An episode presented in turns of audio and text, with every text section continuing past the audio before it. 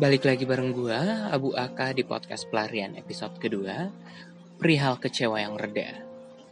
Pernah nggak sih kalian ngerasain kecewa yang benar-benar kecewa banget sama orang yang kalian udah percaya? Mungkin kecewa ke teman, pasangan, saudara, ataupun kerabat lainnya. Kekecewaan yang muncul karena kalian berekspektasi terlalu tinggi sama mereka kalian berpikir mereka udah kenal baik sama kalian dan gak mungkin ngelakuin hal yang gak kalian sukain. Atau kecewa yang muncul karena kesalahan yang mereka lakuin berulang dan membuat kalian jengah. Pernah gak